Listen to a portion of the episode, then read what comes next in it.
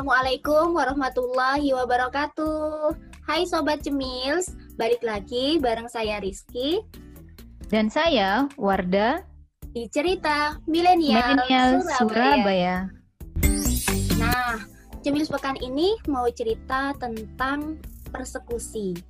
Dan persekusi ini sempat menimpa beberapa aktivis dakwah Nah, mereka itu dipersekusi, bahkan ada yang ditangkap itu karena dianggap konten dakwahnya itu berbau radikal gitu.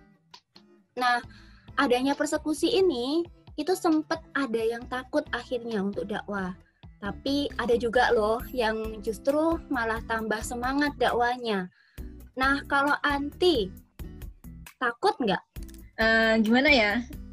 Kalau dibilang takut ya enggak lah, karena di sini Rasulullah bersabda yang mana sabdanya itu seperti ini. Kulil hak walau kana muron. Yang artinya adalah katakanlah kebenaran walau itu pahit. Nah, jadi di sini sebagai seorang muslim ya, yang mana kita sudah meyakini bahwa Allah itu adalah pencipta dan Tuhan kita, Rasulullah sebagai nabi dan rasul kita dan Al-Qur'an adalah ini ya yang Allah kirimkan untuk kita kepada Rasulullah SAW sebagai the way of life gitu kan ya makanya kita harus pede untuk menyampaikan kebenaran Islam apa pun itu isinya nah itu seperti itu. Hmm. nah jadi selama yang kita sampaikan adalah kebenaran yaitu tadi yang mengajak manusia untuk mentauhidkan Allah secara sempurna hmm. dan juga mengajak manusia untuk kembali kepada ajaran Islam seutuhnya dan mengajak manusia untuk beramar ma'ruf nahi munkar why gitu ya? Kenapa kita harus takut? Hmm. itu kan gitu. Karena yang kita bawa itu adalah ya kalamnya Allah gitu perintahnya Allah dan juga larangannya Allah iya, jadi kita uh, jadi kita nggak jangan takut itu seperti itu hmm. nah salah satu misalnya yang mungkin yang bisa kita jadiin contoh dan ibroh ya salah satu putra angkat dari Rasulullah yaitu Said bin Harisa hmm. jadi uh, Said bin Harisa itu adalah contoh milenial atau pemuda yang sangat berani sekali menyampaikan Islam pada kala itu. Jadi setiap kali beliau mendapatkan apa, maka beliau terjun ke pasar dan mengatakan apa yang beliau dapat dari Rasulullah. Masya Allah. Nah, padahal nih ya, beliau itu kan mendengar langsung ya dari Rasulullah ya. Iya. Itu artinya apa yang didapat dari Rasulullah itu kan bukan satu yang salah. Hmm. Nah, tapi coba apakah dia diterima dakwanya waktu di waktu di pasar itu? kalau nggak salah dia dipukul ya sampai nah. pingsan gitu kalau nggak salah ya ceritanya iya, dia dipukul gitu kan nah hmm. ketika beliau dipukul jerah nggak waktu itu enggak malah datang lagi besoknya nah, datang lagi sampai nah. masya allah banget gitu ya ya allah kira-kira apa yang bikin dia seperti itu ya keimanan ya karena keimanan ya motivasinya karena iman. Nah ya itu yang saya sampaikan. Maka di sini sebagai seorang muslim kita jangan takut gitu kan ya. Karena apa yang kita sampaikan itu adalah kebenaran yang itu datangnya dari Allah gitu kan ya. Dan insya Allah gitu kan ya kalau misalnya kita sikoh dalam menyampaikan Islam gitu kan ya kita akan mendapatkan balasan dari Allah. Nah itu seperti itu kak Rizky. Iya, kalau tadi kan contohnya para sahabat ya, mungkin kalau di zaman yang sudah uh, maju lagi gitu ya tahun tahun selanjutnya. Itu kalau di Indonesia itu ada Buya Hamka ya? Iya benar-benar ya ya benar. Ada Buya Hamka yang mana waktu itu beliau di penjara gitu kan ya. Dan ini ada cerita ya kalau salah kalau saya nggak salah gitu kan kak ya. Ketika waktu itu akhir hayatnya uh, Pak Soekarno gitu kan ya beliau malah meminta Buya Hamka lah kalau misalnya beliau meninggal yang mensolati gitu kan ya. Dan di situ ceritanya tuh kenapa kok beliau meminta Buya Hamka? Ya itu tadi gitu kan ya. Ya Buya Hamka itu di penjara bukan karena kesalahan gitu ya, bukan kriminalitas dan sebagainya. Mm. Tapi bisa dibilang ya itu tadi ya mengganggu gitu kan ya. Karena apa? karena yang karena yang disampaikan itu mengancam gitu. Mengancam apa nih? Ya itu tadi mengancam sesuatu yang tidak benar yang ada tengah-tengah kita itu seperti itu. Apa itu yang tidak benar? Yang yang tidak benar itu adalah eksistensi dari gitu kan ya oh. sistem yang ada tengah-tengah kita dan pemikiran yang ada tengah-tengah kita. Yaitu apa? Mm-hmm. demokrasi dan kapitalisme itu sendiri gitu kan ya. Mm-hmm. ya itu tadi maksudnya pengemban dakwah jika dia mengancam eksistensi dari demokrasi dan kapitalisme ya memang harus siap-siap nih berhadapan dengan mereka gitu. Iya iya. Iya sih sama ya. Harusnya kan kita pede ya untuk nyampaikan dakwah itu. Jadi kalau uh, kita ingat surat Ali Imran ayat 110, Allah itu menyampaikan bahwasanya umat muslim itu adalah khairu ummah. Nah, kenapa khairu ummah? Karena tak muru nabil ma'ruf wa tanhauna anil mungkar gitu. Karena melakukan amar ma'ruf nahi mungkar.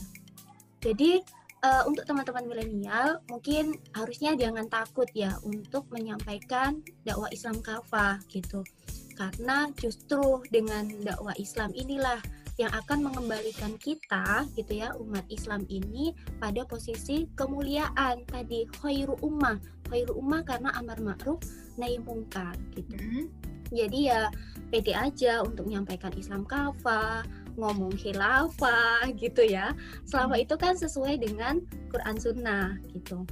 Dan supaya teman-teman milenial nggak fobia akut ya nggak takut duluan ya untuk ngomong khilafah boro-boro nyampaikan ya boro-boro ngomong hilafah uh, apa namanya mempelajari atau cari tahu mungkin sudah takut. Nah teman-teman jangan takut dulu nah jadi uh, kita harus tahu dulu supaya kita nggak takut terlebih dahulu sebenarnya khilafah itu apa sih Nah, jadi teman-teman yang harus ketah yang harus uh, diketahui adalah khilafah itu adalah ajaran Islam gitu. Kenapa kok ajaran Islam? Ya karena sesuai dengan Quran Sunnah. Mana buktinya? Buktinya adalah kalau teman-teman, nah buka lagi nih Al-Quran ya, Al-Quran. Bahwasanya uh, Allah menyampaikan di dalam surat Al-Baqarah ayat 30 bahwasanya Allah itu hendak menjadikan manusia ini menjadi khalifatul fil ard yaitu adalah khalifah di muka bumi ini. Nah, di dalam dalil sunnah atau hadis itu juga ada bahwasanya Rasulullah pernah menyampaikan bahwasanya Bani Israel dulu telah diurus oleh para nabi. Ketika seorang nabi wafat, dia akan digantikan oleh nabi yang lain. Sungguh tidak ada seorang nabi pun setelahku yang akan ada adalah para khalifah sehingga jumlah mereka banyak. Dan hadis ini diriwayatkan oleh Muslim. Nah, selain dalil Al-Quran dan As-Sunnah, juga hmm. ada ijma sahabat. Nah, ijma sahabat ini juga merupakan dalil uh, dalil syar'i ya, gitu. Yang itu bisa kita jadikan rujukan dalil. Itu apa? Nah, yaitu adalah peristiwa wafatnya Rasulullah gitu.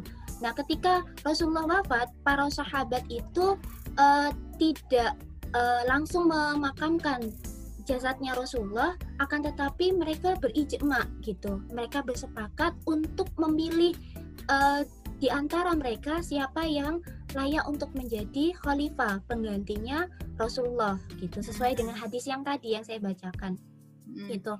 Maka uh, akhirnya terpilihlah Abu Bakar As-Siddiq gitu untuk menjadi khalifah pertama kali menggantikan uh, Rasulullah gitu. Nah, jadi dilihat dari ijma sahabat ini itu betapa pentingnya gitu, betapa pentingnya adanya pemimpin gitu, adanya imam, yaitu adanya khalifah. Sehingga sampai uh, jasadnya Rasulullah loh ya. Itu gak main-main Rasulullah kekasihnya Allah itu sampai jasadnya nggak langsung di uh, apa namanya dimakamkan ya? uh, uh, karena uh, adanya keberadaan khalifah ini atau uh, pemimpin ini lebih lebih urgent dibandingkan meng, apa meng, memakamkan tadi memakamkan jasadnya Rasulullah. Nah itu teman-teman ya eh, sedikit informasi untuk teman-teman tentang apa itu khilafah supaya memang tidak fobia terlebih dahulu dan semoga teman-teman juga ada lebih semangat lagi untuk mengkaji dan mencari tahu apa itu Islam kafah dan juga tentang khilafah. Ya, itu tadi cerita kita di pekan ini ya. Uh, moga menambah bekal keimanan dan menambah giro atau semangat ya teman-teman milenial semuanya. Jazakumullah khairan kasiron. Wassalamualaikum warahmatullahi wabarakatuh.